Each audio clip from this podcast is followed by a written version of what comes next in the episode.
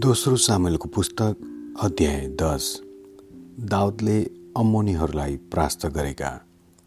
केही समयपछि अम्मोनीहरूका राजा मरे र उनका छोरा हानोनले राज्य गर्न लागे।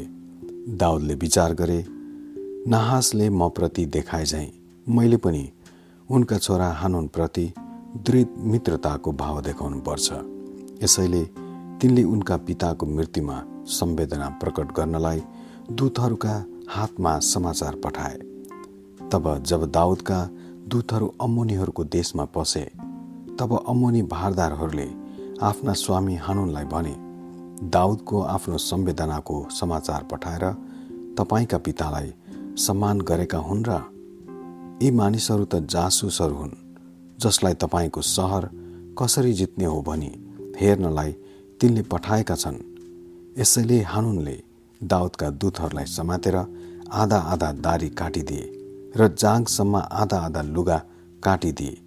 तब उनले तिनीहरूलाई त्यहाँबाट पठाइदिए। जब तिनीहरूमाथि गरिएको यो व्यवहार दाउदले सुने तब तिनीहरूलाई भेट्न दाउदले मानिसहरू पठाए किनभने ती मानिसहरू साह्रै अपमानित भएका थिए। तिनीहरूका दारी फेरि नबढुन्जेल एरिहोमा नै बस्नु भनी दाउदले हुकुम गरे।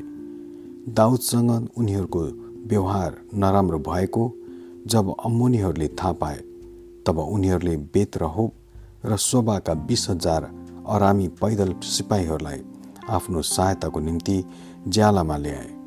उनीहरूले मकाका राजासहित एक हजार र तोपबाट बाह्र हजार मानिसहरू ज्यालामा ल्याए। दाउदले यो कुरा सुनेर योआब र सबै योद्धाहरूलाई पठाए। अम्मोनीहरू आएर सहरको मूल ढोकामा युद्धको लागि मोर्चा बाँधे अनि शोभा र रहोबका आरामी र तोप र माकाका मानिसहरूले चाहिँ खुला मैदानमा युद्धको निम्ति मोर्चा बाँधे। तिनको अघि र पछि दुवैतिर युद्धको निम्ति मोर्चा बाँधेको यो आबले देखे। यसैले तिनले इजरायलका सर्वश्रेष्ठ फौजहरूलाई खटाएर आरामीहरूका सामुन्ने राखे। बाँकी फौजलाई चाहिँ तिनले आफ्ना भाइ अभिषयको जिम्मामा दिए जसले अम्मोनीहरूका सामुन्ने मोर्चा बाँधे। योआबले तिनलाई भने यदि अरामीहरूले मलाई जित्दै ल्याए भने तिमीले मलाई सहायता गर्नु। तर यदि अम्मोनीहरूले तिमीलाई जित्दै ल्याए भने म तिमीलाई सहायता गर्न आउनेछु। साहस गर। हामी आफ्ना मानिसहरू र आफ्ना परमेश्वरका सहरहरूका निम्ति साहससित युद्ध गरौँ। परमेश्वरको नजरमा जे ठिक छ उहाँले त्यही गर्नुहुनेछ। युवाब र तिनका सबै फौज आरामीहरूसित भिड्न अघि बढे र तिनको अघि उनीहरू भाग्न लागे। जब अम्मोनीहरूले अरामीहरूलाई भागेका देखे तब उनीहरू पनि अभिषयको सामुन्यबाट भागेर सहरभित्र पसे। तब युवाब अम्मोनीहरूसित लडाईँ गर्न छोडेर एरुसलेममा आए।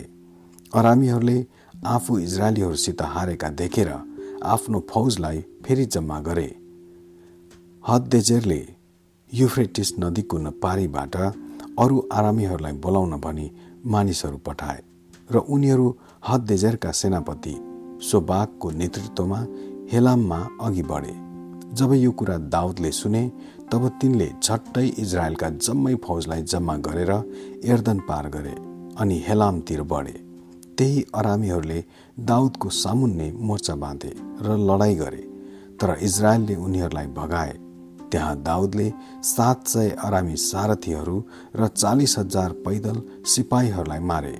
तिनले सोबाकलाई पनि प्रहार गरे र उनी रणभूमिमा नै मरे। जब हददेजेरका अधीनमा भएका सबै राजाहरूले हामी त इजरायलद्वारा परास्त भएका छौँ भनी देखे तब उनीहरूले सन्धि गर्न मागे र इजरायलीहरूको अधीनता स्वीकार गरे। त्यसपछि अरामीहरूले अम्मोनीहरूलाई फेरि कहिल्यै सहायता गर्ने आँट गरेनन्। आमेन।